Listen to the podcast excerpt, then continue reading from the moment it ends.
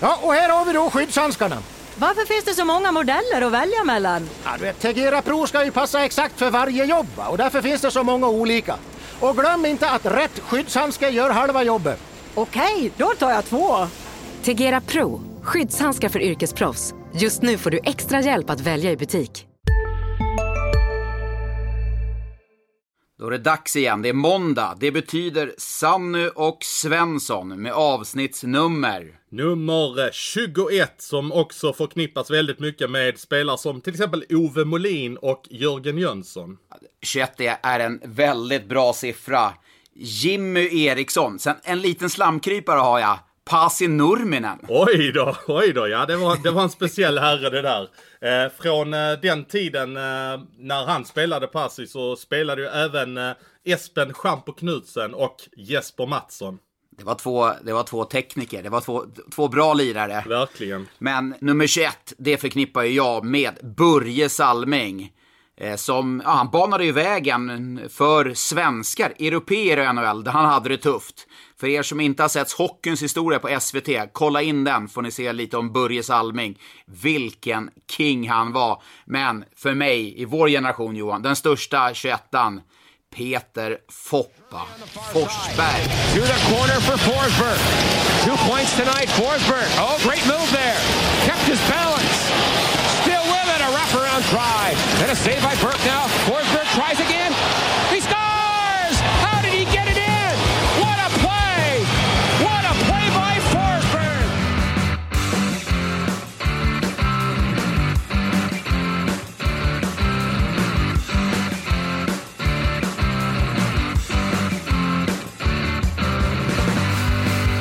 Ja, verkligen. Alltså jag tänker tillbaka till eh, 2003 och eh, drömmålet mot eh, Finland i Hartwall Arena. Det är väl kvitteringen till 5-5 som eh, Foppa står för. Forsberg långt ner i egen zon, kommer pucken nu över blå, nu över med röd, in i offensiv zon något till vänster. Håller pucken fortfarande, skrinar ner bakom buren, gör mål köksvägen! Peter Forsberg gör ett drömmål! Peter Forsberg gör ett drömmål! Vem är det som står i den matchen? Ja, just det. Ja, det var ju den gamla Malmö-målvakten eh, Pasi Nurminen som stod i den matchen om jag inte minns helt fel, om han inte blev utbytt. Jag, min, jag kommer inte ihåg om det var utbytt, men, men Passi var där. Det var ju faktiskt så att det var ju Tommy Salos egentligen sista framträdande till Kronor. Han byttes ju ut mot Mikael Tellqvist vid underläge 5 tror jag det var. Just det, just det. Och, men Fopp, F- Foppas mål. Men jag tror faktiskt att det var på Passi Nurminen. En målvakt som har 21 i, han hade det i Malmö va? Jajamän, han körde 21 där och det, det var ju en verklig profil Pasi Nurminen som man kanske får återkomma till i framtiden. Men du som, du som är lite så här eh, på, på just siffror, som du gillar inte höga nummer. En målvakt med nummer 21, det känns inte bra. Nej, det gör det inte. Det är ju som tjeckiska målvakter. Det är ju förvisso någon form av tradition i Tjeckien känns det som att de ska spela med nummer två på ryggen. Det känns ju inte helt rätt det heller. Ja, det är tjeckiskt. Men Thomas Sjögren, han som numera är agent, han spelade väl med nummer ett i AIK ett år va? Jajamän, det gjorde han. Det känns. Nej, det, det, då- det vrider sig i magen. Ja, verkligen. Det är, det är kanske inte på att någon ska spela med nummer 99 på ryggen nivå, men äh, det, det, det kändes konstigt. Men äh, han har ju gjort sig känd för det där, Thomas Sjögren, verkligen. Pasi Nurminen, eh, ja han var ju känd för lite, eller ryktet sa i alla fall. Jag kommer ihåg eh, Malmö kom upp till Timrå, om det var någon gång i januari. Då spelade eh, musiken som spelades i Timrås arena när, Tim, när Malmö kom in, det var en busschaufför, en busschaufför. Det är väl det han är mest känd för i, i Sverige va? Ja, han vill ju inte riktigt eh, kännas vid det själv. Vi ringde faktiskt upp honom här i somras för att, att prata lite grann kring den här eh, incidenten som, eh, som skedde på Malmö isstadions parkering eh, i början av 2005. Han spelade lockoutsäsongen 2004-2005 och, och den här incidenten som då inträffade, jag såg det faktiskt med egna ögon så att eh, ja, det, var, det var verkligen, för de som inte vet så eh, så tog ju Pasi eh, bussen och, eh, och faktiskt körde den ett varv där vid isstadion och det Eftersom han inte är innehavare av något eh, körkort av eh, att framföra en buss så slutar ju det inte på bästa sätt utan han eh, brakar ju faktiskt in i kansliet på baksidan med bussen. Men vad, såg du det? Jag såg det live ja. Och av anledningen egentligen till att jag såg det live var att min kompis eh, Christian Tunnan Svensson som har eh, figurerat lite grann som speaker på Malmö Arena på eh, de sista åren här. Han, eh, han hade dragit igång någon form av insamling till eh, busschauffören som hade åkt på en fortkörningsböter. Alltså inte pass i numren utan busschauffören som, som framförde spelarbussen. Så han hade ju någon kontakt med eh, honom eh, på något eh, sätt. Så eh, han hade dragit igång någon insamling bland Malmö supportrar. Ja, nu måste vi stå för hans, för hans fortkörningsböter. Så han hade samlat ihop 1500 spänn till honom för att han tyckte inte han skulle betala en fortkörningsböter för han hade framfört Malmös buss. Så att eh, han, eh, han var på baksidan av isstadion när eh, spelarna kom hem från Linköping och eh, skulle överräcka de här pengarna. Och eh, busschauffören han tänkte ju inte på att han lämnade bussen. Han tänkte ju inte att någon skulle ta den där bussen. och då, hade, då, då hade ju spelarna suttit och haft det lite roligt på bussen hem. Och, eh, och eh, Passi var ju på, eh, på glatt humör som man är som man är busschaufför.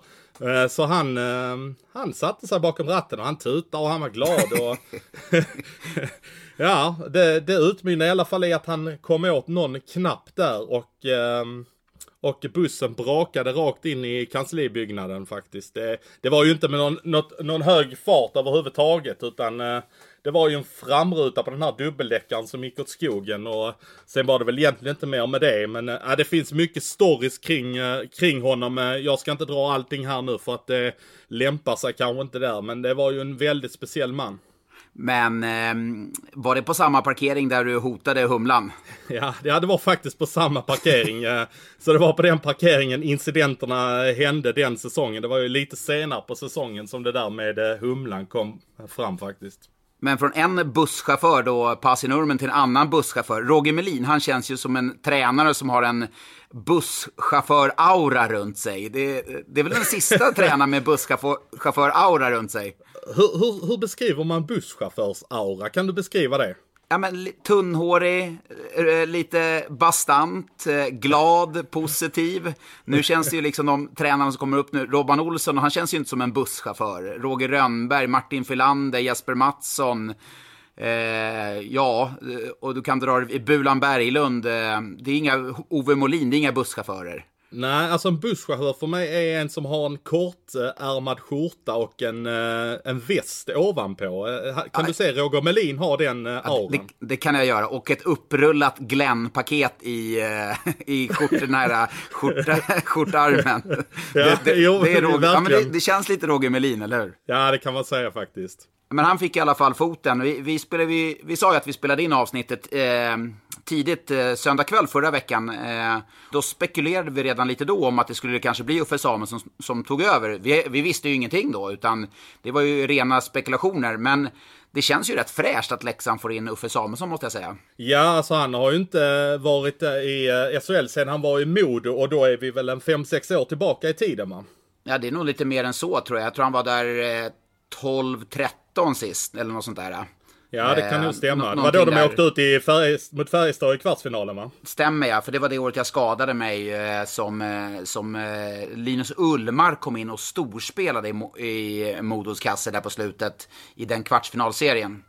Men, Jonas Ahnelöv gjorde ett drömmål. Oj då. Eh, men ja, Ahnelöv, eh, han eh, är väl den som, han har väl gjort en hel del mål för Leksand denna säsongen. Så att han kanske trivs under Samuelsson också. Men vad kan Samuelsson tillföra tror vi då? Det var lite som vi pratade om förra veckan, men vi, eh, vi går det lite mera konkret på det så är det ju framförallt försvarsspelet som han... Eh, jag menar, han var ju själv en försvarsjätte. Det är klart att det ligger nä- honom nära, varmt om hjärtat. Eh, har man sett Leksand under säsongen, vi satt ju tidigt och spelade, det är lugnt sa vi Leksand, man gör lite lätta misstag. För man spelade bra inledningsvis och gjorde alldeles för enkla misstag i spelet med puck. Men på slutet tycker jag man har varit väldigt slarviga i, i, över hela banan. Man får aldrig stopp i spelet. Och då får man det eh, väldigt svårt. Så att eh, jag tror att försvarsspelet är det rent konkret som han kommer strikta upp. Och framförallt få in energi i gruppen. Det som förvånar mig var ju faktiskt att eh, Roger Melins högra hand, eh, Gunnar Persson, fick eh, vara kvar i det här. Utan det var Jens Nilsen som rök när Per-Erik Eklund också kom in då som assisterande tränare. Ja, det, det var faktiskt rätt märkligt för Gunnar och eh, Roger känns ju verkligen som att de sitter ihop. Eh, så att det, det kändes lite märkligt. Men en grej som jag har tänkt på här. Är det här det sista vi har sett av Roger Melin tror du? Ja, alltså det känns ju så om han inte får för sig att snubbla över något annat jobb om han ska hoppa in någonting som... Vi trodde ju nästan att det var så när han, eh, när han eh, försvann från Brynäs också. Att, att det var det sista vi såg av Roger Melin. Men han gick ju in och eh, eller fixade upp Leksand till SHL. Så att man ska väl aldrig säga aldrig. Men det känns ju som att han har varit rätt less på skiten under en ganska lång tid. Men känn på den här då. Anders Gossi, han är runt nu i, arenor i Hockeyettan och scoutar. Eh, sportchefen i AIK. Anders Gossi och Roger Melin har ju, ja, de har ju ett förflutet tillsammans och arbetat väldigt nära och bra eh, genom åren. Om eh, Gossi ringer till Melin och säger Fan, det är ju uppenbarligen i kris i AIK. Känns inte det som det perfekta namnet för att komma in i AIK? Vad blir det? Tre månader? Två, tre månader här på slutet? Ja, exakt. Jag, jag har varit inne lite grann på den spekulationen själv eh, när i samband med att Melin sparkades här i eh, måndags. Det var faktiskt en läsare som sa det ganska omgående till mig att skulle inte det kunna vara någonting? Och då funderar jag också, jo, verkligen att det skulle kunna vara en lösning för att eh, AIK har ju inte blivit ett dugg bättre under Bobo Simensen och eh, Ska man rädda sig kvar i eh, Hockeyallsvenskan så, så kan, kan det vara Melin som eh, kan vara lösningen nu när han finns ledig och eh, det, han, känns ju, han känns ju ett med AIK på något sätt. Ja, verkligen. Han har, han har ju gjort eh, jättebra jobb där och det på något sätt kanske sluter sin eh, cirkel lite där också och avslutar på ett, på ett bra sätt sin eh, tränarkarriär. Under söndagskvällen så satt jag faktiskt i bilen på väg hem från eh, min skidsemester i Åre och det droppade in en hel del tips eh, kring att det skulle ske en eh, trade i SHL. En ytterligare en trade här. Och det var Marcus Björk som har fått dåligt med speltid i Malmö mot Adam Brodecki som väl, ja, han har väl inte fått dåligt med speltid i Brynäs, men han har väl kanske inte fått den där framskjutna rollen som han kanske är i behov av. Och, jag ringde upp Sylvegård borta i eh, Florida där han befinner sig och eh, alla mina vibbar jag får när jag pratar med Sylvegård säger att det stämmer, att det ska bli så. Han vill ju absolut inte säga någonting. Eh, men jag har väl pratat med lite andra folk här som, som säger att det stämmer och att det kommer att basuneras ut här under måndagen. Och det är väl en trade som jag känner att båda tjänar på. För Brynäs är ju verkligen i behov av en back och eh, Malmö skulle väl behöva få in en forward i sitt lag. Ja, men det, och framförallt Malmö behöver få in en högerskytt också. Eh, jag tänker att prisklassen också bör rimligtvis vara densamma på Björk, på, på, på Brodecki. Eh, Ja, ja, jag tänker att eh, vi pratar en 60-70 tusen i månaden på respektive spelare. Ja, någonting sånt. Och eh, ganska liten risk, som du säger. Brynäs får in en back, eh, en eh, högerskjutande back som kan spela powerplay. Helge Grans har ju tagit den platsen i, eh, i Malmö. Den, den kommer ju han...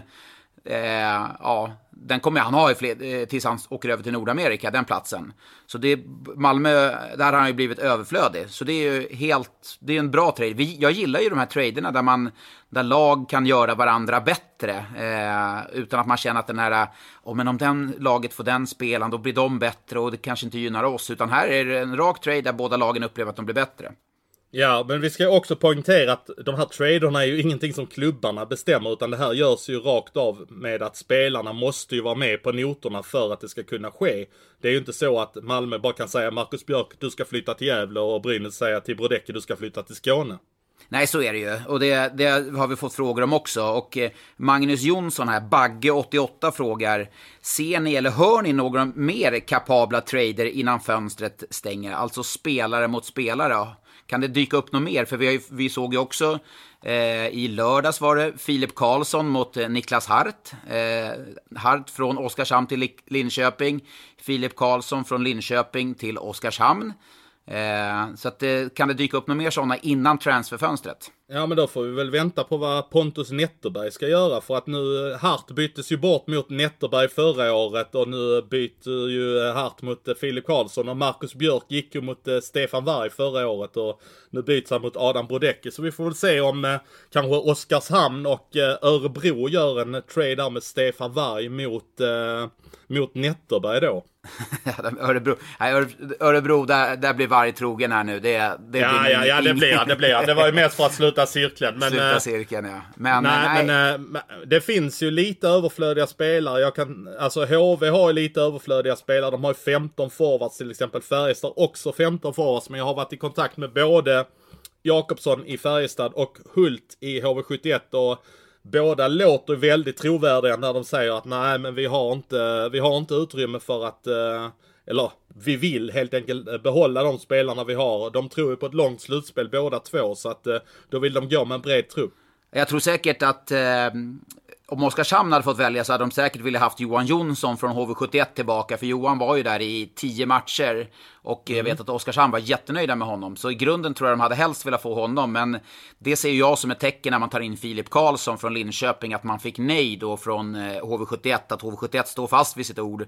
Som de Hult hade sagt till dig. Att de vill gå in i ett slutspel med just en bred trupp. Däremot så tror jag att HV kan tänka sig att släppa Ikonen om det är så att någon är beredd att ta över kontraktet även för nästa säsong. För att han sitter ju på en ganska stor lön nästa säsong. Så att då, då tror jag att, eh, för jag vet att Malmö var på Ikonen men de, eh, de kom inte riktigt överens och HV vill inte släppa honom bara för den här säsongen utan eh, det blev ju, det blev ingenting för att Malmö inte ville ta över det förhållandevis dyra avtalet till nästa säsong och då, det kan jag ju förstå båda parter att vill HV släppa honom så vill de ju bli av med ett dyrt kontrakt även nästa säsong. Ja men självklart, och där hade det ju funnits en potentiell trade också om man, om man ser det.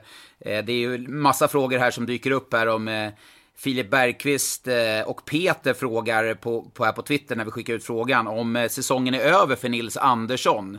Eh, HV-backen och då hade ju Nils Andersson kontra just Björk. Hade ju kunnat varit en bra värvning för, eh, för HV71 och ersatt Nils Andersson. Om det är så att han missar resten av säsongen, vilket faktiskt det finns saker som tyder på med tanke på den hjärnskakningen han drog på sig i mellandagarna tror jag det var va? Det var precis innan jul, Malmö borta 21 december och han har ju inte ens varit på is. Eh, så att det är ju inga bra tecken alls när han inte är på is. Det vet ju du som kan eh, det där med hjärnskakningar. Att har man inte gått på is, har det gått sen dess 6-7 veckor någonting. Ja, och eh, eh, Nisse hade ju en hjärnskakning på försäsongen i fjol eh, som höll honom borta ett tag i inledningen av säsongen och tog väldigt lång tid för han kom komma ifatt spelmässigt. Så att eh, lek med tanken att Nisse skulle bli helt återställd och spelbar om två, tre veckor så kommer han ha lång, lång startsträcka. Så att jag, HV tror jag mer eller mindre har faktiskt har räknat bort honom av den anledningen på samma sätt som att Frölunda, nu är de helt plötsligt uppe på marknaden och söker en back när det är osäkert med Theodor Lennströms eh, tumme som han bröt mot Djurgården här uh, veckan innan landslagsuppehållet. Då sitter ju Frölunda i lite annan situation än förra året när de tog in Brandon Gormley. För då hade de inte behovet. Nu blir det kanske lite mer desperation när de verkligen känner att de har ett behov av det. Så är det ju. Men eh, traden där, eh, Hart mot Filip Karlsson. Eh, vilka är vinnare där? Eh, Rickard här, R. Pesson och Kalle Karla undrar egentligen vem, vem som är vinnare på de traderna. Kommer Hart kunna studsa tillbaka till den spelaren han var för, var det tre säsonger sedan i Malmö där de slog ut Frölunda i, eh, i eh, kvartsfinalen och åkte ut mot HV71 i semifinalen. det, var väl år, det var väl året innan som Hart var som bäst då när de slog ut Växjö i kvarten va? Var det Växjö de slog ut i kvarten, ja. Men, men slog de, de slog ut Frölunda året efter, eller hur var det? Ja, då, då, då var ju, eh, det var ju Hart eh, skadad i den kvartsfinalserien. Så det var året innan mot Växjö, ja, han var så jä jäkla vad bra han var då. Ja, Nej, men då... egentligen om man ska summera hela säsonger för Niklas Hart i SHL så skulle jag ju nästan säga att hans bästa säsonger på SHL-nivå har egentligen varit i eh, Linköping de två säsongerna han var där. Mm, för när Malmö värvade honom från Linköping så var ju, jag tror vi alla var överens om att oj, det här är, det här, det här är en bra power forward som Malmö får in. Men han har ju varit, han var ju bra inledningsvis i Malmö, men nu börjar det bli några år sedan. Jag tycker att det där bettet i skäret, det finns inte där äh, på samma sätt som det var i Linköping och kanske första åren i Malmö. Nej, men exakt. Eh, jag tror att det här eh, nu får Hart verkligen visa sig. Eh, för lyckas han inte här så så känns det ju, jag, jag kanske inte ska säga att han har gjort sitt, för det är väl kanske tidigt att döma ut någon, men han lyckades kanske inte särskilt bra i Växjö, han lyckades ju inte i Oskarshamn. Och skulle han inte lyckas i Linköping nu så kanske han får söka sig till någon annan liga till nästa säsong. Nej, men då är det, det blir...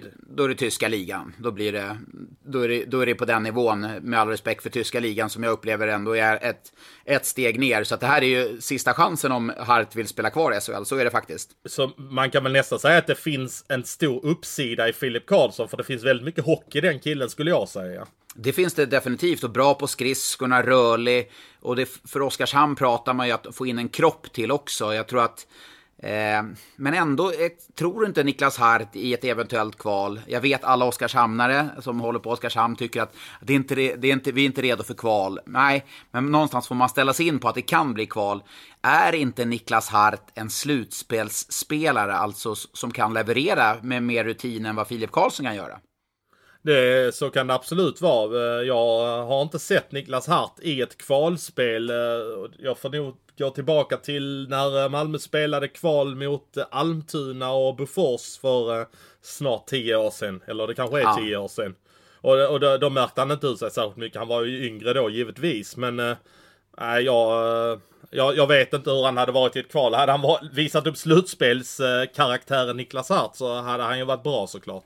Men eh, om vi bara avslutar den här. Det känns ju som att Oskarshamn spar in pengar på det här. Hart är väl en grunden en dyrare spelare än Filip Karlsson? Ja, absolut. Eh, Niklas Hart är ju en eh, 120 till 150 000 spelare och Filip Karlsson är väl en 50 000 kronors spelare. Så att det, det är klart att Oskarshamn sparar in pengar. Det kan ju vara så att det var på det sättet som Oskarshamn eh, köpte sig eh, plats för att ta in Ben Jouts i truppen som de gjorde här under söndagen.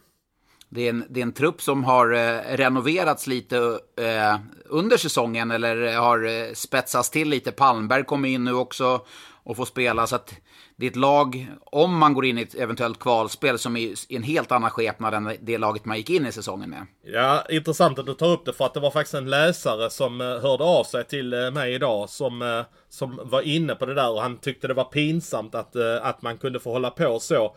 Ehm, men jag tycker nästan att... Pinsamt hur då, tänker du? Ja, att, eh, att man renoverar en trupp på det sättet under en säsong. Att det, att det blir oseriöst var den här läsaren inne på. Jag vet inte riktigt om jag håller med. Jag tycker det visar prov på handlingskraft. Oskarshamn är nykomlingar och hade väl kanske inte riktigt den kapaciteten i sin plånbok för att göra en slagkraftig trupp. Och man, man gör det bättre under resans gång, tar lärdom av sina misstag och eh, gör det bättre. Du har ju kritiserat dem eh, bland annat för eh, värvningar de gjorde under försäsongen, men de har ju ändå visat handlingskraft. Ja, absolut. Och det ska man ju ge dem också. Daniel Stolt som var sportchef då och Thomas Fröberg nu. Man har ju man har ju kickat bort en del spelare som, in, som inte har hållit måttet. Sen är det såklart att de, det blir kostsamma de misstagen. Men det är också en eh, Brad Fodring här som undrar, när du ställer frågan här Johan. Eh, Eh, alltså Oskarshamn gjorde ju ett stort nummer av att man var öppen med att spela, spelarbudgeten inför säsongen, den var runt 28 miljoner.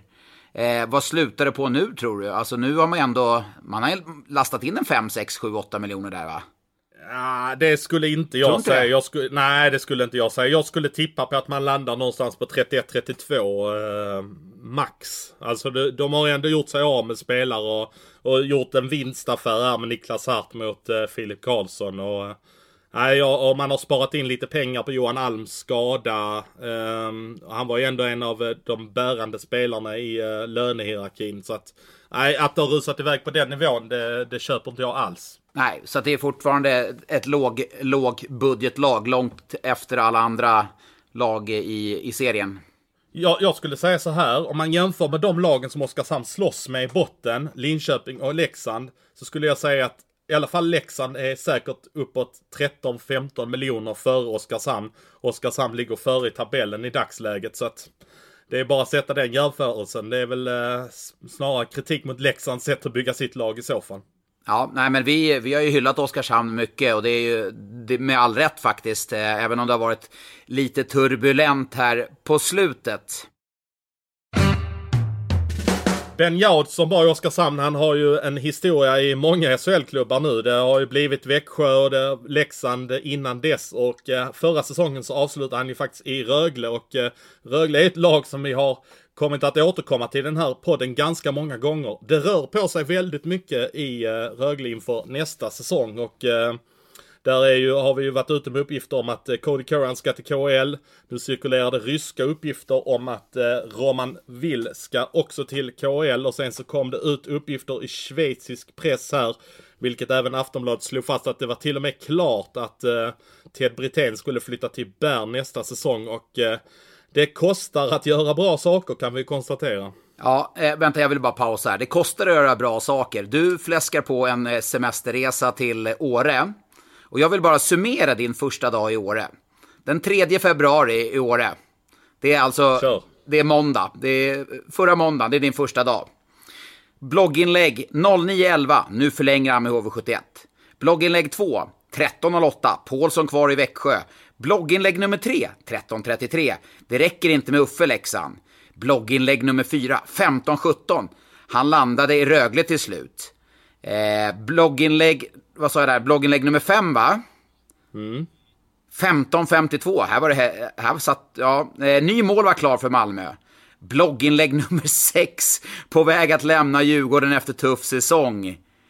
Ja, det, det, var, det var bara måndagen det, men hade, skulle du inte ha semester? Ja, men uh, nyheter är nyheter. De, de lever ju bara. Ja, alltså faktum är att nu under den här uh, semestertrippen som jag haft en vecka. Jag har ju inte tagit ut någon semester på något sätt utan uh, jag har ju ändå hållit mig ajour så att säga. Det är ju kanske baksidan av det här jobbet lite grann att det går inte att ta semester riktigt fullt ut. Men jag Jo. känner ju också. Jag känner, jo, men jag känner också att man, man tappar också lite grejer. Man kan inte ringa de samtalen. När jag satt på, eh, på bilresan hem från Åre hela söndagen så, så plingade det till med grejer i min telefon när jag körde och sådär som jag ändå missade. Och sen så eh, kom det ut på andra håll att eh, den här traden mellan Malmö och, och Brynäs skulle, skulle bli av till exempel. Men jag upplever ändå en liten form av mättnad, en semesterkänsla. För, för tisdagen, då hade du bara fyra blogginlägg till exempel. Det, det är ju en, då känns det som att nu börjar du liksom gå ner på semester. Och på, på onsdagen, det var bara två blogginlägg liksom. På, på torsdagen, ja, visserligen är det du uppe på tre där på torsdagen. Fredagen, då är det uppe på två, äh, nere på två igen. Då är det ändå, det är semesterkänsla då. Lördagen, ja då är vi uppe på igen, två bara. Och ett på söndagen. Så att det känns ju ändå som att du, du landar lite på semester efter måndagens, måndagens rivstart. Jo men, eh, jo men lite så var det väl att, eh, att man, eh, man fick, jag, jag har ju faktiskt gått skidskola under veckan också så att jag, jag, jag stod, har bara stått på skidor eh, en gång tidigare så att jag har i alla fall lärt mig att ta mig ner från backen nu så att det är väl i alla fall ett, jag har ju lärt mig något denna veckan. Ja, det är i alla fall med kärlek. Du, du, du är så jävla hängiven. Det är grymt imponerande. Men nu, nu avbröt jag det angående Rögle där och Ted Brithén som eh, försvinner. Och då var du inne i ett blogginlägg där på att det är en baksidan med att prestera bra eller att ja, spelare syns helt enkelt och man kommer tappa spelare. Ja, och du har ju Leon Bristedt också som lär försvinna till NHL. Eh, Han har väl aldrig gjort någon hemlighet av sin ambition att han vill tillbaka till Nordamerika. Och sen vet man aldrig vad som händer med till exempel Niklas Hansson, Daniel Saar. Vad gör Nils Höglander i sommar till exempel? Tar Kristoffer Rifalk chansen? Man vet aldrig. Nej, nej och, det, och det är ju det som, som blir nackdelen. Jag väljer att se det på ett annat sätt.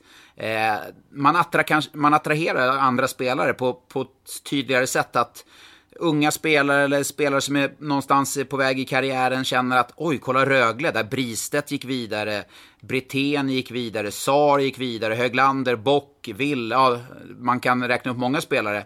Ja, men här är det intressant, här är en miljö som man ändå kan utvecklas i. Och så får man lättare och eh, kunna rekrytera spelare.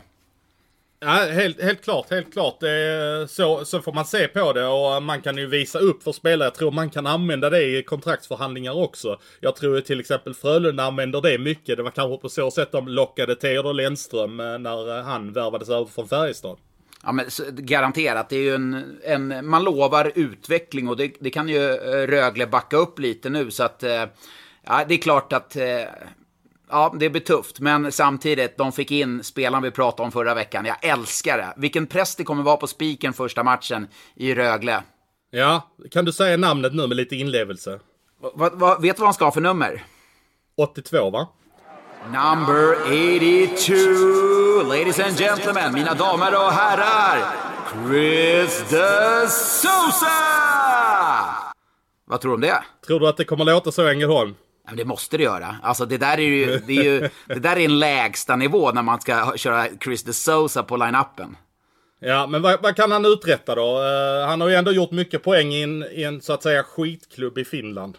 Men jag tror att eh, det här är en spelare som faktiskt, faktiskt det är ju en, ingen panikvärvning, även om det är en sista minuten-värvning. Så Rögle var ju faktiskt på honom inför säsongen redan. Eh, ja, de, de, de, de träffar ju honom i uh, Österrike, alltså redan i februari förra säsongen. Har sett honom många gånger, har pratat med honom, har fått någon form av personlig, personlig relation också. Så de vet ju vad det är för kille också. De, man får ju ändå en, en viss inblick när man tittar en spelare i ögonen och lite sådär.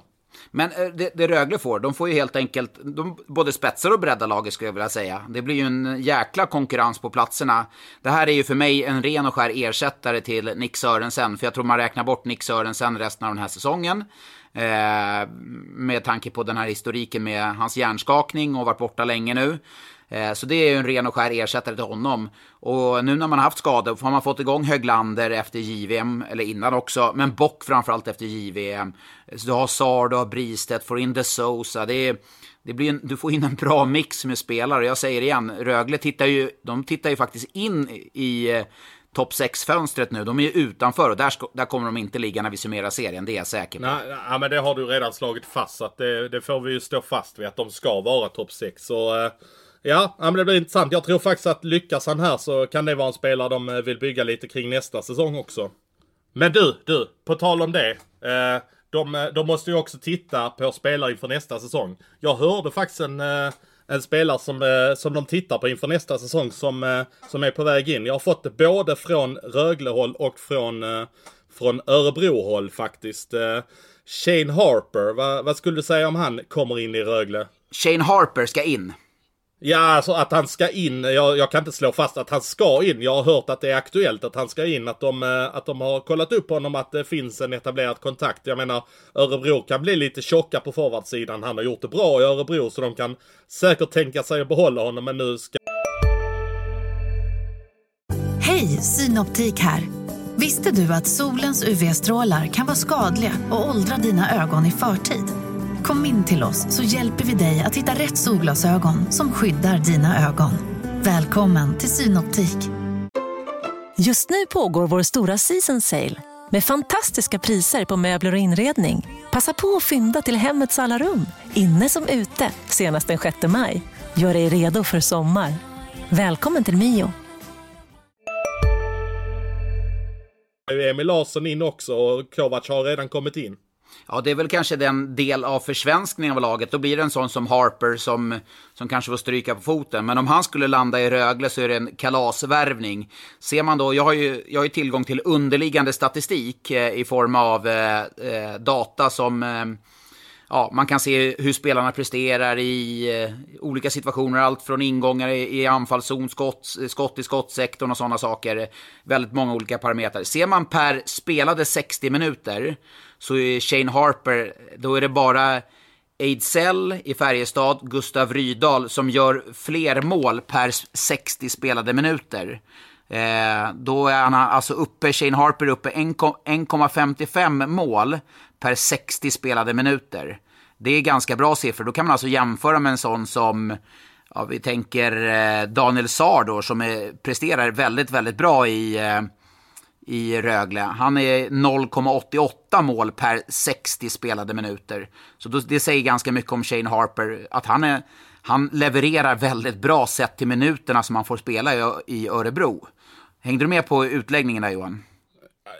Definitivt. Uh, han var ju en sån spelare som uh, mådde väldigt bra när uh, Niklas Eriksson och Christer Olsson tog vid förra säsongen. Det var, det var ju då Shane Harper verkligen kom fram i Örebro. Det hände någonting med honom eller Vet jag inte om det har med det att göra, men eh, eller var det, det anpassningen som... Aaron Palusha-effekten på honom. Ja, så kan det vara också, för det var ju då Palusha blev skadad förra säsongen. Det var Aaron Palusha-effekten, vi kan slå fast det va? För eh, Palusha tog nog ganska mycket syre i det där rummet och Harper var ju faktiskt en, det fick jag höra i Örebro. Eh, Harper, Boucher var sådana när, när Palusha klev ur det omklädningsrummet så steppade de upp lite mer, men Eh, Eh, det är ju en annan historia. Pelusha tror jag... Mm, Örebro hade nog inte haft problem med Pelusha i den här säsongen. Då hade han kunnat varit en tillgång. Eh, jag tror man har lärt sig väldigt mycket och har en starkare ledarstab och starkare trupp överhuvudtaget. Så man kan, hade kunnat ta tag i de problemen nu. Ja, vi flyttar fokus mot Hockeyallsvenskan. Då ska vi försöka lämna i alla fall Björklöven utanför. Det. Så fort vi landar in på Hockeyallsvenskan så pratar vi Björklöven. Eh, det är ju kanske till viss del ofrånkomligt. Men jag vill fokusera på två lag, Södertälje och Mora. Vad har hänt med Mora? Eh, 24 poäng på de senaste 10 matcherna. Det är ju en hysterisk form de har träffat rätt på sina nordamerikaner skulle jag säga. De tog in tre stycken i ett svep där i samband med att de skiftade tränare och eh, jag tycker varje gång jag kollar en statistik från Mora så är det ju de som har varit bidragande. Så det är ju svårt att avgöra huruvida det är en Tomek, Tomek Valtonen-effekt, han nya tränaren, eller om det är de här eh, transatlanterna som har kommit in som har, som har stärkt upp laget helt enkelt. Det är ju det är omöjligt att veta. Ja, nej, men det är väl säkert en kombination av att alla behövde steppa upp lite när det kom en ny tränare, när det kom in helt annan konkurrens i laget också. Nu gjorde ju till och med Viktor Amner mål här i veckan. Han gjorde ju två. Han hade inte gjort någonting på hela säsongen och sen smällde han in två baljor. Men hur långt kan ett Mora-lag gå då? Vi var inne redan förra veckan att det laget som får möta ett ett lite tröttkört Modo eller tröttkört Björklöven kan, ja, man kan komma in i den här slutspelserien och, och göra det faktiskt rätt bra där och sen möta i bäst av tre och eh, ja, mot ett slutkört som jag sa, Björklöven eller Modo. Är Mora ett lag som skulle kunna hota där nu? Jag ser det inte som att uh, Mora är ett sånt lag. Men det är klart att eh, uh, 24 poäng på 10 matcher, det är ju ett rent topplagsbeteende. Det är ju samma nivå som Björklöven har hållit under hela säsongen. Så att det är klart att de, de har nått en ny nivå.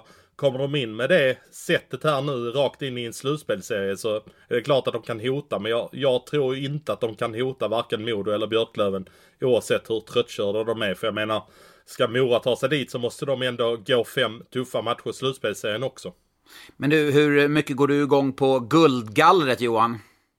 Nej, men jag gillar guldgallret. Det, det har ju varit, eh, det har ju varit många, många bra spelare som har fått det priset genom åren. Jag, jag skulle säga att jag, jag går igång mer på guldgallret än vad jag går igång på till exempel SHL Awards. Som jag tycker är lite konstigt att man står och delar ut priser på eh, på grundserien efter ett avslutat slutspel. Eh, det, det känns för mig jättekonstigt. Jag sitter i juryn på båda två så jag ska väl inte snacka ner det för mycket men jag tycker ändå det är ganska märkligt att stå och dela ut priser från grundserie i maj. Men eh, tycker du det är lika dumt med NHL Awards då som, som hålls i Las Vegas under pompa och ståt? Det är också grundserien man delar ut priser för.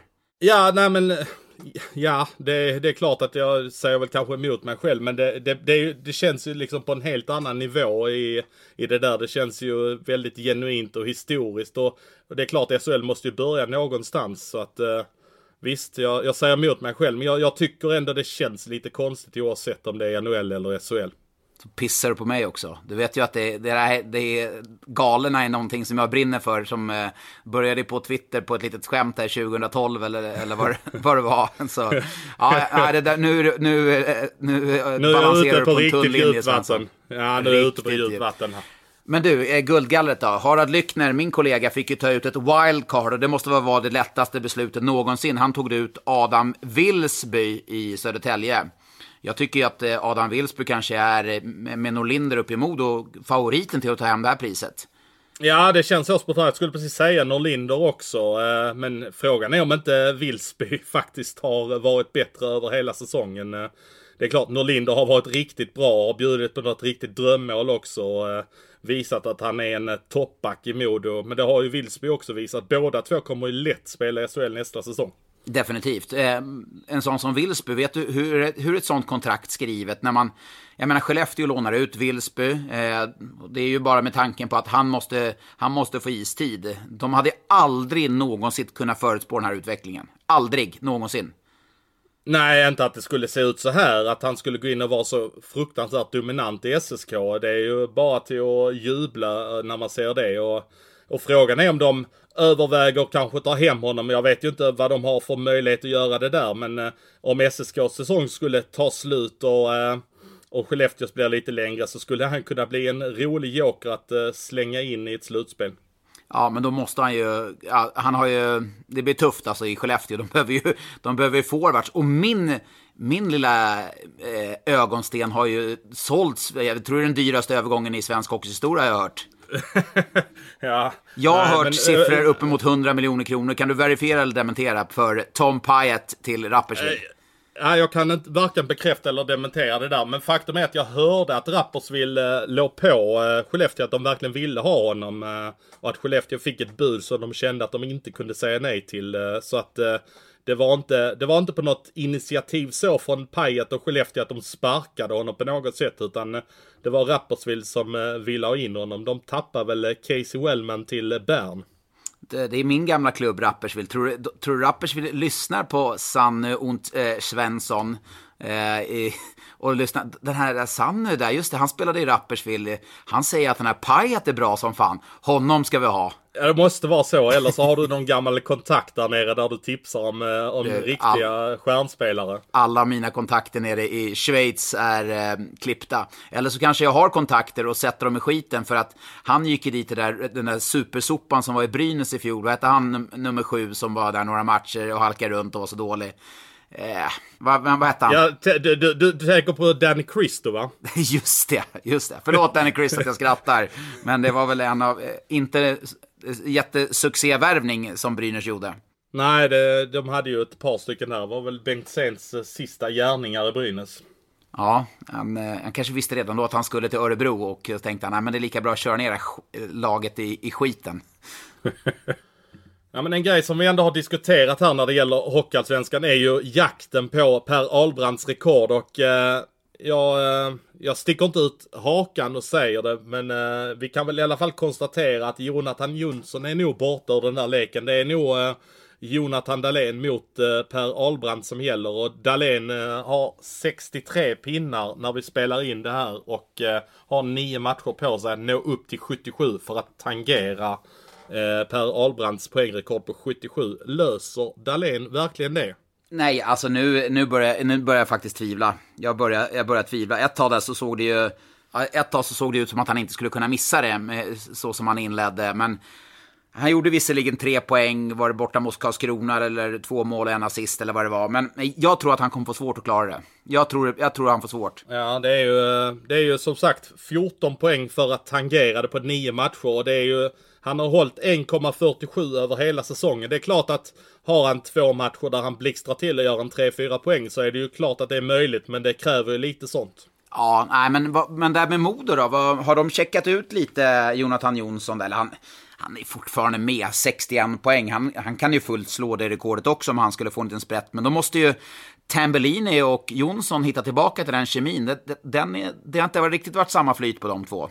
Nej, det har väl inte varit det. Alltså framförallt Jonsson har ju tappat poängformen ganska så rejält här nu på sista tiden. Och nu har jag inte siffrorna framför mig, men eh, han har ju absolut inte snittat en poäng per match som han... Eh, han har ju snittat mer än en poäng per match över hela säsongen, men han har ju tappat det där avsevärt. Och jag har pratat med lite folk som följer Modo slaviskt och eh, det, det förekommer ju en hel del kritik mot, eh, mot den kedjans inställning sista tiden. Nu vet inte jag om det om det bara ser så ut eller om det verkligen är så. Om de bara går och laddar för det som komma skall eller att Björn Hellkvist har tränat ner dem fullständigt. Men eh, ja, det ser lite, de ser lite mätta ut eh, säger de som eh, följer Modo slaviskt i alla fall. Då gör jag en liten parentes här. Eh, Jonathan Jonsson, eh, lek med tanken att Frölunda ringer honom. Skulle han kunna ha signat redan nu? Eh, ja, Det är rena på- spekulationer. Det är rena spekulationer. Ni får ha respekt för det. Rena spekulationer från våran sida. Vi, det är ju inga rykten som säger att han har signat någonstans, vad jag vet. Nej, alltså det, det snackas väl ändå lite om att han eh, är lite aktuell för Finland och så vet jag att lite SHL-klubbar har tittat på honom och sådär. Men Jonathan Jonsson känns ju som en sån spelare man ska spela högt upp i laget och eh, vilken SHL-klubb är beredd att ge honom det, det, det vet man inte. Nej, den Men, SHL-klubben som... Nej, men nej, nej, men skulle Frölunda ringa så tror jag att Jonathan Jonsson eh, skulle bli väldigt smickrad om eh, pappas gamla klubb eh, skulle höra av sig och vilja ha in honom i laget. Men Frölundas forwardsbesättning, den är ju rätt vass. Även om Rakhshani och Lash försvinner. Ja, nej det är sant. Det är kanske hans största chans att, att spela högt upp i lag, det kanske är i, i Modo eh, i hierarkin. Men du, om man pratar poängkungar i Hockeyallsvenskan genom åren, då är oundvikligt en sån som Marcus Lillis Nilsson, Färjestadspelaren, som med armbågarna blev intagen i Tre Kronor och där gjorde fyra poäng på tre matcher. Vart av media utsedd till den bästa, var det media? Ja. Ja, MVP blev han utsedd i turneringen i alla fall. Sen vem som var de som utsedde ja. honom, det vet jag inte.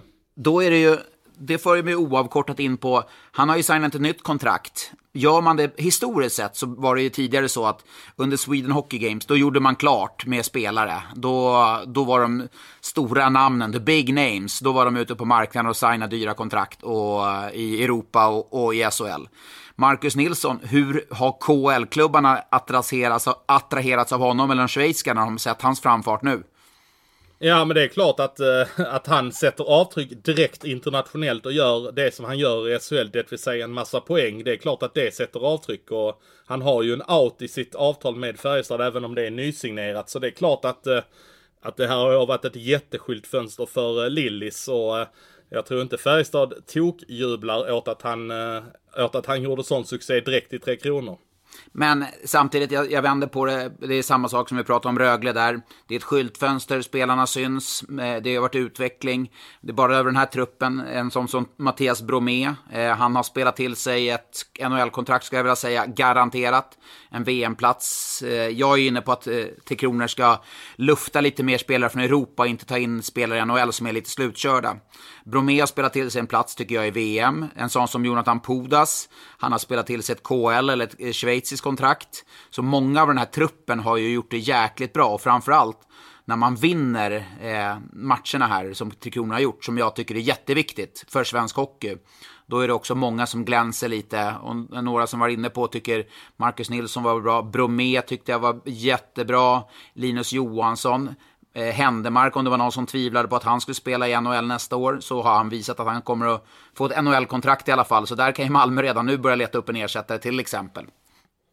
Ja, nej, men jag tror faktiskt att Malmö de har, de har sugit på den karamellen rätt så länge att de räknar bort Händemark ur truppen eh, för nästa säsong. Ja, så att, nej, men det, jag tycker ändå det är kul. Och eh, vi får väl skicka en extra liten kärlekskram till eh, Johan Garpenlöv som fick vinna tre matcher. Hans eh, mamma som har varit eh, sjuk eller under en längre tid här i Alzheimers gick ju bort där strax innan landslag, eller innan landskamperna och att Johan då fick vinna och faktiskt stå i båset var ju starkt och vi har ju sett att han har fått väldigt mycket kärlek och från Sanne och Svensson så kan vi väl skicka lite varma kramar också till Garpenlöv. Definitivt. Ja, men jag tycker vi går över på eh, frågorna som jag skickade ut här under söndagsmorgonen och eh, jag fick in, ja i vanlig ordning så trillade in en eh, 60-70 svar någonting. Vi kan väl ta den eh, första frågan. Eh, en fråga som vi har fått in väldigt mycket här under veckan som eh, vi har fått hårda påtryckningar är eh, som kommer från Rickard Ben som frågar Tycker eh, vi att Svenska Kuppen i hockey ska införas? Eh, Eh, och för de som inte vet vad Svenska Kuppen är så förekommer det ju i fotbollen att eh, att alla lag möts i en, uh, en kupp uh, i seriesystemet så att säga. Så att uh, ett lag i till exempel division 4 har chansen att vinna Svenska Kuppen om man slår ut lite allsvenska lag på vägen. Men är det någonting för hockeyn som har väldigt många matcher? Vad säger du? Nej, ingenting för hockeyn. Jag tycker det finns Redan nu så har vi ju en grundserie på 52 matcher, vissa lag som spelar CHL. Sen finns det, vet att det finns jättemycket åsikter kring CHL-spel. Eh, men jag tycker inte att det finns eh, underlag, intresse för att eh, trycka in ytterligare matcher. Så mitt svar på det är ingen Svenska Kuppen i, i svensk hockey, tack. Jag kan tycka att det vore ett roligt inslag för eh, lagen som ligger i lite lägre serier. För SHL-lagen är det ju absolut ingenting som jag tror eh, skulle bita om det inte införs eh, väldigt stora segerpengar. Det är ju tyvärr pengar som styr ganska mycket. Så att jag, jag tror att eh, skulle Huddinge ställas mot eh, Timrå i en Svenska cupen-match, hur många hade kommit till Björkängshallen då? Oh, ja det hade varit... Eh, ja, nu, nu, nu, nu går det rakt mot mitt hjärta här Svensson. Pratar om Huddinge. Det är klart vi ska ha Svenska cupen va? tänk att Huddinge har chansen att vinna Svenska Kuppen eller tänk Hudiksvall ska möta Färjestad. Ja. Nej, men det är klart vi ska ha kuppen. Men, men helt ärligt så finns det väl kanske inte riktigt utrymme för det med tanke på alla matcher som spelas. Nej, det är väl just det också. Eh, sen vet jag inte hur stort intresse det skulle vara, som du säger, om Timrå skulle komma till, Hudik, eller till Huddinge. Jag tror inte det hade varit ett jätte, jättestort intresse. Eh, klart att om Djurgården hade kommit dit och man har fått de matcherna för ett eh, Stockholms förortslag som Huddinge kanske varit intresse. Men nej, eh, ingen Svenska kuppen. Men du, li, på tal om Shane Harper så har Linus Harper ställt en fråga här. Hur tror HV gör med sin målvaktssida nästa år? Eh, Försvinner Gunnarsson, Alnefelt, Åman? Vad, vad finns det kring det? Eh, ja, Gunnarsson, det ryktades ju om KL redan förra säsongen. Nu har han ett utgående kontrakt och jag tror säkert att han ser över sin situation. Annars så kan han nog tänka sig att eh, vara kvar och HV kan nog säkert tänka sig att gå med Gunnarsson eh, nästa säsong också. Alnefelt eh, kommer ju utmana ännu mer och eh, Alnefelt kanske växer ut till en uh, ny Linus Söderström nästa säsong. Uh, vad vet vi? Han är ju redan riktigt vass och uh, han har ett år kvar att spela på som att vara med i JVM så han kommer ju behöva spela i en bra klubb där han får mycket speltid och jag tror HV säkert kan vara villiga att ge honom det. Vi går vidare på ämnet målvakter. Bartoszak i Modo, han gjorde ju debut här och eh, det blev väldigt många mål som rasslade in när han mötte Södertälje. Så Marcus Edvinsson frågar, är han en hiss eller diss? Ja, Marcus. Nej, vi får nog ge det mer tid faktiskt. Eh, om vi, vi säger Roman Will som är en av SHLs bästa målvakt, Dominik Furch som är en av SHLs bästa målvakter. De var alltså bakom Bartoszak i fjol i, i hierarkin i tjeckisk hockey. Det säger ju lite om vad Bartoszak ändå kan göra. Men sen ska man ha respekt för att han knappt har spelat i år.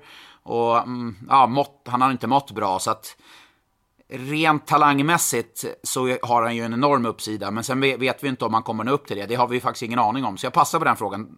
Jag kan svara det som jag hör från folk som eh, bevakar Modo ganska hårt och som har kollat in lite träningar och vibbarna de fick när de såg eh, Bartoszak på de första träningarna var att det var liksom ett steg upp på hyllan att eh, de vet hur det brukar se ut när till exempel Linus Ullmark kliver in på träningarna på sommaren och man märker att det finns en nivå till jämfört med Linus Lundin och Erik Hanses. Eh, man ser det på en målvakt direkt och Eh, de vibbarna har folk fått där uppe. Ja, det, det låter ju positivt i alla fall. Eh, och det är väl det sista pusselbiten. Och där ska man säga nu, de rustar på bra där. Eh, Kangas Niemi, han ser i och för sig ut som en juniorspelare, men han, han kan nog bli väldigt sevärd. Han är ju 1,70 någonting lång. Tröjan som fladdrade alldeles för stor. Det kändes som att, vem, vem har de slängt in där? Men han kan nog bli nyttig för dem eh, som en spetsspelare framöver. Men på det ämnet att de håller på att rusta mot varandra, Björklöven och Modo. Jag skrev här i lördags att eh, de är på gång att värva Adam Plant från eh, Västervik som är ett eh, Västerviks fynd. De värvar ju en fem, sex nordamerikaner varje år och en, två, tre stycken brukar ju falla väl ut. De värvade Trevor Mingoya förra året och de eh, hade ju inne han som spelar i Leksand som jag tappar namnet på här nu också, backen eh, som spelar i slutet av säsongen och tog en plats när Leksand gick upp i SHL.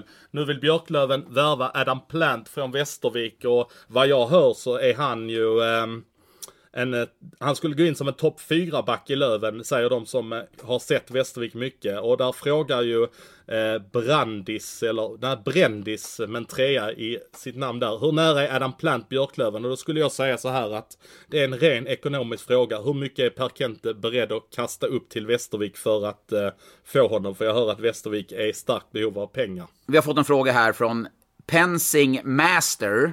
Eh, förekommer det verkligen att man skriver in speltid och plats i första kedja i kontrakten?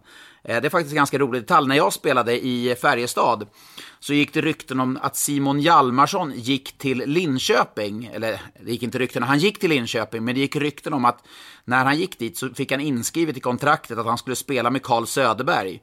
Om han inte skulle få göra det tre matcher på raken så hade han rätt att bryta sitt kontrakt och spela i KHL. Och det här, gick i, det här var allmänt, det pratade jättemånga spelare om, om just Simon Hjalmarsson. Och Mike Helber då, som var klubbdirektör i Linköping och nu kollega till mig på Simor. Det första jag gjorde när, när Mike kom in då på, på Simor, frågade Mike, Mike, stämmer det att Simon Hjalmarsson fick den här äh, klausulen i sitt kontrakt? För det här är det vi alla pratar om. Nej, det är rent skitsnack. Lovar du? Garanterar du? Jag lovar på allt jag äger. Vi skrev inte in någonting sånt i avtalet. Så att det var väl kanske bara ett rykte, men jag tror att det är väldigt sällan man skriver in sådana saker i avtalen, i alla fall i SHL. Kanske Hockeyallsvenskan eller Nej, inte Hockeyettan, men kanske i Hockeyallsvenskan, men inte SHL, det tror jag blir svårt. Nej, men det är väl mer löfte och man ger en tydlig bild av hur man har tänkt sig. Men att man skriver det på pränt, det har jag ju svårt att tänka mig. Skulle Eh, kunna, vi ta... Johan skulle i och för sig kunna tänka mig att Rappers vill skriva in det på Tom Pyatt. Ja, säkert, säkert. Säkert. Eh, vi tar en eh, sista fråga från Leaf-fan. Som eh, ställer en fråga. Alla lag verkar hitta spelare men Leksands GM säger att det inte finns några. Eh, är det rätt eller fel att inte värva? Och då utgår jag då säkert från, eller utgår han då från Leksands fall om det är rätt eller fel att inte värva. Vi ska väl säga det att Leksand de tittar ju verkligen efter en forward som kan stärka upp laget så att, eh, att de inte ska värva det vet vi ju inte från eh, klockan slår 24.00 natten mellan den 15 och 16 februari. Men eh, är det han säger att alla lag verkar hitta spelare, men Leksands GM säger att det inte finns några. Det beror väl lite grann på vad man är ute efter. Nej, men alltså Leksand, vi får väl vara ganska ärliga och säga att Leksand ligger väldigt, väldigt, väldigt långt ner i prioriteringsordningen för spelare eh, som att välja.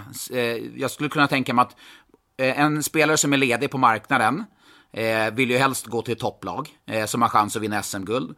Därifrån kanske man kollar lag som är på väg in i ett slutspel så man kan ge en sista push. Lag som Leksand där man kan, ja du kan rädda kvar laget. Då skulle jag kunna tänka att det är mer intressant att gå till Björklöven eller Modo där du kan spela upp laget. Och där kan du också, de lagen har ju fördelen, de kan skriva in en ganska saftig bonus.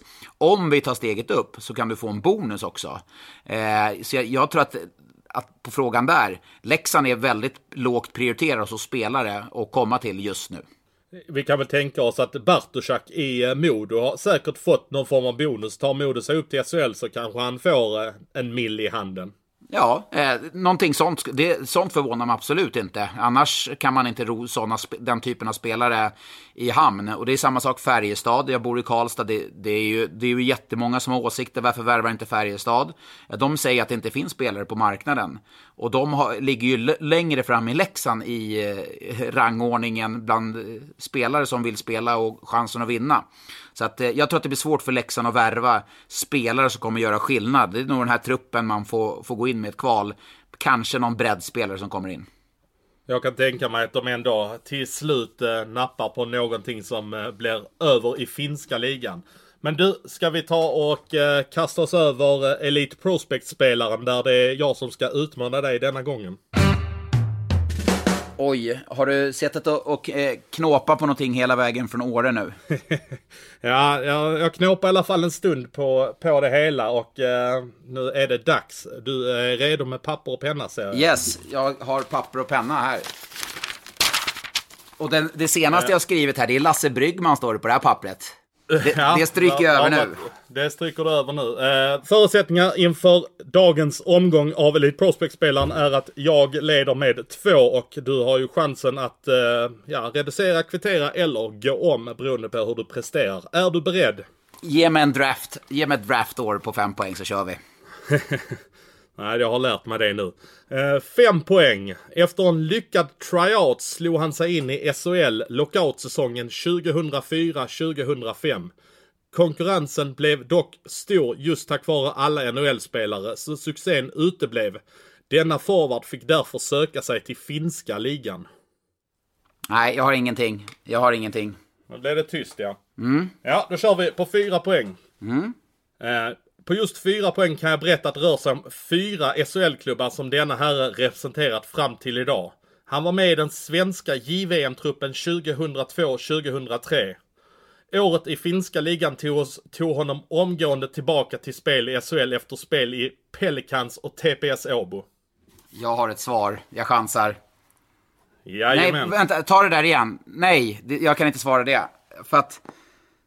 Han spelar... Nej, den jag tänker på... Nej, nej, jag... Nej, det, jag kan inte... Nej, jag vågar inte svara. Jag kan, jag kan säga sen vem jag tänkte på där. Ja, då tar vi trean då. Du vågar inte på fyran? Nej, jag vågar inte. Nej, då kör vi på tre poäng. Eftersom du skryter att du kan det där med drafter så borde denna vara enkel för dig. New York Islanders 2002, femte rundan, nummer 149 totalt. Äh, någon mer ledtråd kan du väl få. Han har blivit svensk mästare gånger två. Draften 2002. Jajamän, Det- det- femte rundan, 20 149 totalt. Ja, nu, nu, det- nu, nu att man är så kaxig. Varför, var, varför kan man inte bara hålla käften om det här med drafter för istället? Ja, och nu gav jag den, alltså jag tänkte ju att, ja men då tar du det på trean eftersom du nu har skrutit om de här eh, drafterna som du kan. Ja, nej, femte rundan, det är lite för långt ner. Jag var ju Ja, draftad i skyll fem... på 20... det. Ja, men skyll, skyll på det. Nej, men Ska, ska, du, ska du dra till med en på tre eller ska du eh, vänta på tvåan? vilka, var det TPS och Pelicans? Ja, det stämmer. Han, han har, den här... Jag svarar. Ja. Jag, ser du där? Fast Jag efternamnet, ser, jag ser, efternamnet stavar man kanske inte riktigt så. Jag stavar alltid fel på det. Jag får alltid googla och kolla när jag... När jag, jag har spelat med honom också. Då tar vi på två poäng för de som inte har tagit det. De fyra SHL-klubbarna i tur och ordning. Malmö, Färjestad, Karlskrona, Växjö. Han representerar Växjö idag, men han hade egentligen varvat ner men kom in i laget för ett par veckor sedan. Känner du dig bekväm med vad som står på din lapp? Jättebra, jättebra. Ja, på en poäng. Han firade ett svenskt mästerskap med dig 2011. Och vem pratar jag om? Marcus Paulsson. Jajamän. Jag var, jag var väldigt nära på, på att köra Daniel Widing faktiskt. Väldigt nära tidigt. Att jag skulle gå in på en chansning på Daniel Widing. Okej, ja, ja, det var ju... Men dra, dra ledtrådarna igen där så får jag... Ja, han var ju på en tryout i Malmö och slog sig in under lockoutsäsongen och de trodde ju väldigt hårt på honom. Då kom han tillbaka från kanadensiska juniorligan och eh, slog sig in eh, på den tryouten. Men eh, Malmö hade ju ett ganska spännande lag då, men de föll ju pladask tack vare lockouten. Eh, Så han fick ju söka sig till finska ligan efter lite utlåningar till Halmstad och Mörrum tror jag, om jag inte minns helt fel. Och så på fyra poäng var det fyra SHL-klubbar och där gick vi då igenom de finska klubbarna där han eh, där han fick lite genombrott och kom tillbaka. Och så på trean, han draftades av Islanders 2002 och ble, har blivit mästare två gånger i Färjestad. Och sen har vi de eh, fyra SHL-klubbarna som jag då droppade. Malmö, Färjestad, Karlskrona och Växjö. Och ni blev svenska mästare ihop 2011. Han blev väl mästare även 2009. Jag hade, fakt ja, jag, hade, ja, jag hade faktiskt ingen aning om att han spelade JVM. Och att... Jag hade faktiskt inte koll på att Paulsson var draftad där, eh, om jag ska vara helt ärlig. Men, nej. Eh, nej. Då, då, då har du lärt dig det nu då. Ja, nej men det är bra. Då får jag eh, gå igenom dra- 2002 års draft lite mer noggrant ska jag säga dig. Du får, du får inga fler draftfrågor nu för nu kommer du sitta och eh, läsa allting utan och innantill på hela 2000-talet. Ja, nej men eh, bra. Då, då är ställningen tillbaka. Jag leder med en poäng och eh, en, eh, ja, det här är hela vägen in i slutspelet kommer det bli en, ett härligt race. Hela vägen till Clarion och vår kompis David. Det är väl tanken i alla fall. Jajamän. Ja, men du, eh, ska vi ta och runda av där då och eh, tacka för eh, denna podden. Ja, eh, 21 blogginlägg på en semestervecka Johan. Vad siktar du emot den här veckan? Ja, men nu är det ju sista veckan här innan fönstret stänger så att nu kan det väl förhoppningsvis rassla till med lite olika saker här under den närmsta veckan. Är det här din bästa vecka? aldrig. Är det din bästa bloggvecka, rent trafikmässigt?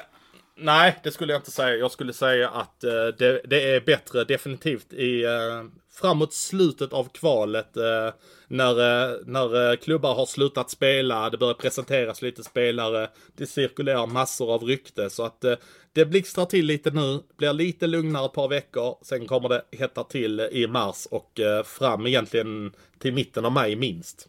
Två frågor innan vi avslutar podden. Får vi någon riktig värvningsbomb? Jag hoppas det. Vilket lag?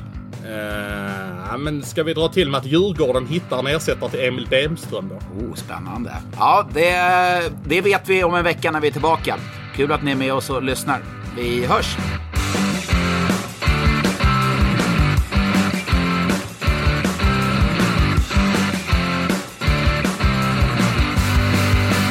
Du har lyssnat på en podcast från Expressen. Ansvarig utgivare är Klas Granström. Upptäck hyllade XPeng G9 och P7 hos Bilia.